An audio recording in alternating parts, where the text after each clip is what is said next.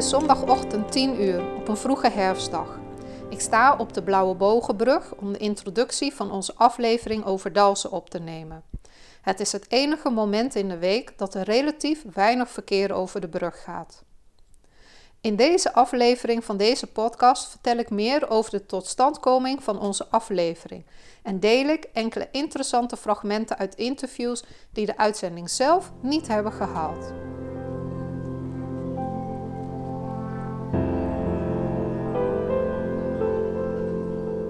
Voor het eerst heb ik ter voorbereiding op een aflevering contact gezocht met de lokale historische vereniging.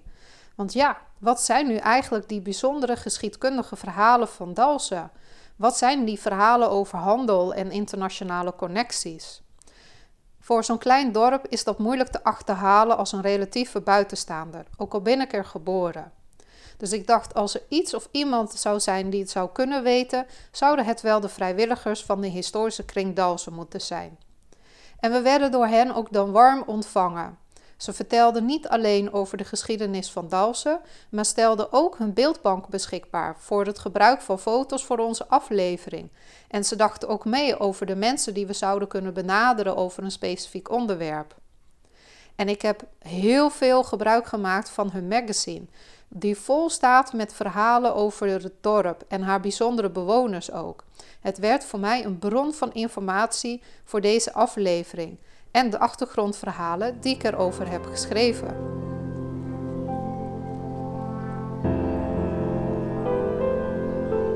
Ik heb al vaker gemerkt dat als ik mijn research doe voor onze afleveringen, dat ik dan zoveel kennis doe over de plaatsen die we bezoeken en gebeurtenissen die hebben plaatsgevonden, maar dat ik al die kennis die ik heb opgedaan niet kan delen binnen één aflevering. En daarom heb ik ook besloten om vanaf de aflevering over Dalsen die verworven kennis die ik heb uh, gevonden te gaan delen in achtergrondartikelen. Want ook bij het maken van onze afleveringen worstel ik nog best wel vaak over wat ik nu wel en niet ga vertellen in de aflevering. Wat is relevant? Wat is interessant? En wat is waardevol? En om mezelf daarbij te helpen en niet het gevoel te hebben dat ik probeer te veel informatie in één aflevering op te nemen, schrijf ik vanaf nu dan ook een aantal artikelen per aflevering die dieper ingaan op de onderwerpen die we aanraken.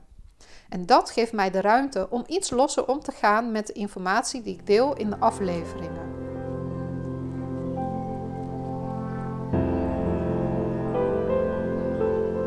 Een van die onderwerpen waarover ik veel onderzoek heb gedaan, is het, de archeologische vondst in Dalsen. Nu weet ik niet hoe het met u zit, maar archeologie is niet echt mijn favoriete onderwerp. Pijlpunten, oude bijlen, pottenscherven, ze weten me niet echt te boeien. Maar ja, die archeologische vondst in Dalsen in 2015 was toch wel echt een bijzondere vanwege de grootte, de omvang van de opgraving en de ouderdom van de vondsten. Dus het werd tijd dat ik op zoek ging naar iets dat mij wel triggerde, dat mij wel boeide. Tijdens het inlezen leerde ik dat er hier op deze plek al mensen woonden veel eerder dan dat ik dacht. Bij mij leefde nog altijd het idee dat Oost-Nederland slechts een aantal bewoners kende die er een nogal wilde levensstijl op nahielden. Totdat Bonifatius in 754 naar Friesland trok om daar de heidenen te gaan kerstenen. Maar ja, wat blijkt? Langs de vecht woonden al mensen, duizenden jaren voordat Bonifatius naar Friesland trok. En volgens Susanne Wentink van het Oversticht verbleven hier dus al mensen in deze regio voordat die Trechterbeker cultuur hier aankwam. Want de eerste mensen waren immers jagers-verzamelaars, die een nomadisch leven leidden. Van hun verblijf is in deze regio zijn vooral restanten gevonden in kampen en omgeving. Maar het zijn de mensen van de Trechterbekercultuur die zich hier echt vestigden. Zij deden aan landbouw en hielden dieren. En dat betekende dat 3500 jaar voor Christus al mensen woonden in de omgeving van Dalsen. En dat waren dus eigenlijk boeren. En wat blijkt nu? Deze mensen van de trechterbekercultuur, waarvan verschillende trechterbekers zijn gevonden in Dalsen, zijn waarschijnlijk dezelfde soort mensen als die van de Hunnebeddenbouwers in Drenthe. Want die plaatsten ook trechterbekers in hun graven. Ik zeg in dit verband zelfde soort mensen.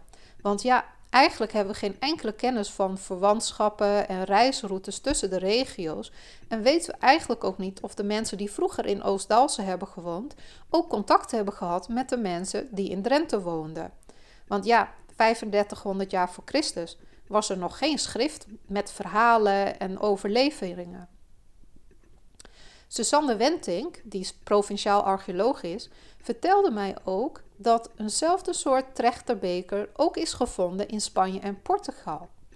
En ja, dat ook daarvan onbekend is hoe eigenlijk die graveringen en die vormen van die trechterbekers daar zijn terechtgekomen. Maar ze vertelde mij ook dat archeologen daarom ook niet liever over een volk praten, maar over een cultuur.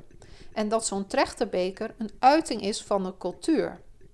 Luister even mee wat zij hierover te zeggen heeft. Even over die trechterbeker volk noemde ik het. Ik hoorde jouw cultuur zeggen. Ja. Ehm, en je noemt dat heel bewust cultuur, heb ik begrepen, en geen volk. Nee. Kun je uitleggen? Ja, nee, wij archeologen geven natuurlijk namen aan allerlei dingen die we vinden. Ja. Uh, als je heel vroeger gaat, was het uh, eigenlijk bij de jagers-verzamelaars werd een cultuur genoemd naar de eerste plek waar het gevonden werd. Ja. Zo heb je de hamburgercultuur. Ja. En later werd het eigenlijk naar de vorm pot. En dan is dit dus een van de ah. eerste trechterbekercultuur. Dus de vorm potten die ze het eerst vonden, we hadden een soort trechterbeker. Maar je hebt ook andere vormen. Ja. Maar goed, zo is het genoemd. En wij noemen dat cultuur omdat het niet een volk is, maar het, het, het is veel breder. Ja. Deze potten vind je over een veel groter gebied dan, dan binnen een landsgrens, die er toen natuurlijk ook gewoon niet waren. Nee. Dus wij spreken altijd over een cultuur. Ja. En het is de cultuur van de trechterbeker, van de mensen die die trechtenbekers maakten. Zo moet je het zien.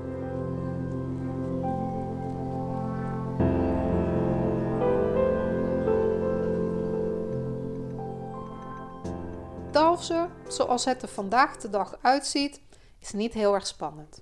Er is geen hoogstaande architectuur, er zijn niet hele bijzondere oude gebouwen, behalve een aantal woningen uit de tweede helft van de 19e eeuw.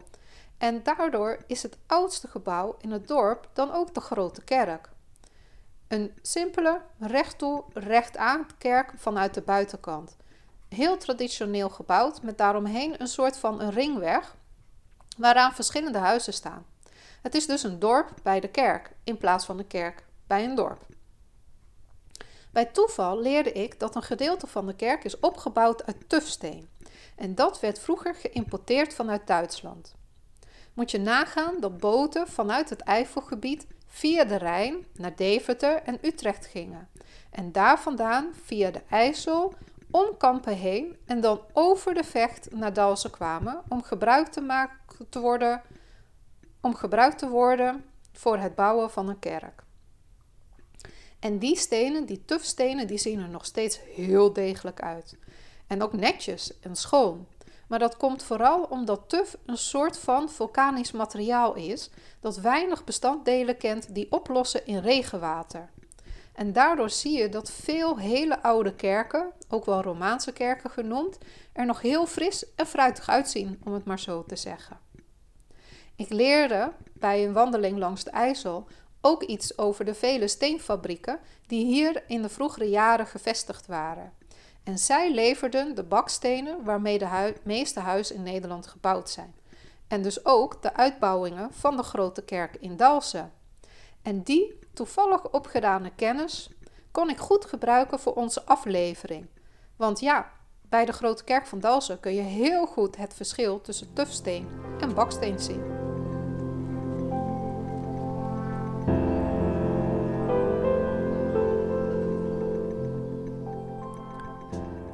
Andere ontdekking voor mij was de sigarijfabriek in Dalsen. Ik had er wel over gehoord, maar ik had niet geweten dat de fabriek, die uiteindelijk in 1965 haar deuren sloot, tot ver in India haar producten leverde: sigarijkoffie. En er was zelfs sprake van dat ze een sigarijfabriek in India gingen bouwen. Dat is niet doorgegaan vanwege de China-India-oorlog.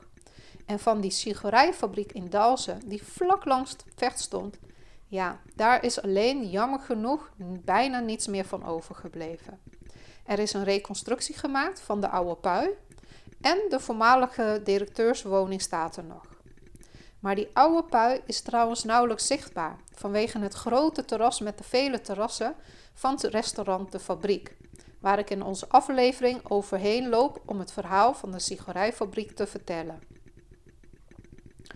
Dat die fabriek er niet meer staat, is niet helemaal verwonderlijk. Want in de jaren 60 en 70 stond namelijk alles in het teken van vooruitgang. Er was weinig aandacht voor mogelijk historisch erfgoed. En al helemaal niet voor een fabriek die sigarijkoffie maakte.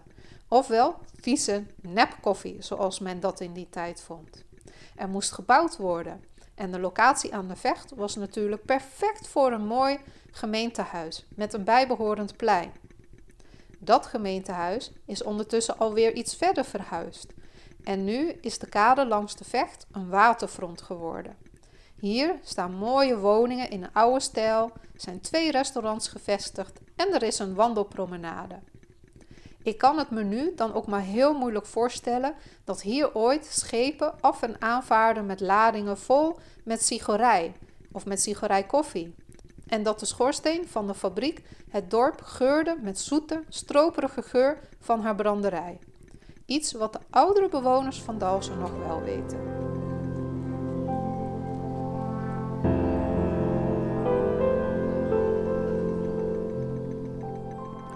Een andere groot industrieel van het dorp, die al vele jaren bestaat, is drukkerij Eshuis. Dalsen kent op zich wel meer bedrijven die al meer dan een eeuw bestaan en soms ook nog in de handen zijn van de originele families. Maar Eshuis was toch wel een beetje meer bijzonder. Dit vanwege het feit dat zij al vele jaren labels en etiketten drukken die de hele wereld overgaan. En ik wilde laten zien dat Dalsen ook nu geen saai en gewoon dorp is en dat het een innovatief karakter heeft. En Eshuis paste daar super goed bij. Want ja, innovatie vindt immers ook plaats in kleinere dorpen en niet alleen in grote Nederlandse steden. In de aflevering over Dalsen sta ik dus met Claudia Platvoet stil bij het strikjesetiket die ze nu al meer dan acht jaar voor Coca-Cola Japan maken. Maar ze doen nog veel meer. Zo maken ze ook labels op naam of wordt elk label of etiket voorzien van een net iets andere print. Claudia vertelde ook over hun online webshop en hoe ze de etiketten maken voor kleine bierbrouwers. Veel vanuit onze webshop. Ja. Die hebben we twee jaar geleden gelanceerd Mhm. voor de nog kleinere aantallen. Ja, en, dat, eh, en toen hebben we dus ook gezien dat die hele biermarkt een uh, vlucht Ja, maakt. Ja, tuurlijk. Ja. ja. en Dus, dat is eh, ook heel leuk. En dat is ook volgens mij vrij innovatief, toch? Om een webshop te hebben. Ja, dat is vrij innovatief. Maar wat ook wel heel leuk is, is... Kijk, de laatste tijd zien we heel vaak bier in een can. Ja. Dus eh, bier in een, eh, in een blikje. Ja. En dan kunnen we dus inderdaad etiketjes eh, op aanbrengen voor de kleinere batches. Ja. Want het drukwerk op een, op een blikje, dat is eigenlijk dat is, Heel duur. dat is behoorlijk duur. Ja. Ja. Dat moet ook in grote aantallen ingekocht worden. Dus wij kunnen voor de kleinere brouwerijen mooi inspelen met Ja. of etiketten, maar ook eventueel met, eh met sleevejes. Hè? En, eh, dit is bijvoorbeeld een bierblikje met een sleeve. Oh ja. Mooi. En eh, ja, het ziet er heel erg mooi uit. En de inkt is ook mooi opgesloten aan de binnenkant. Dus het is ook heel mooi bestendig. En, eh, en ja, zo kan je die biermarkt ook heel mooi bedienen. Ja.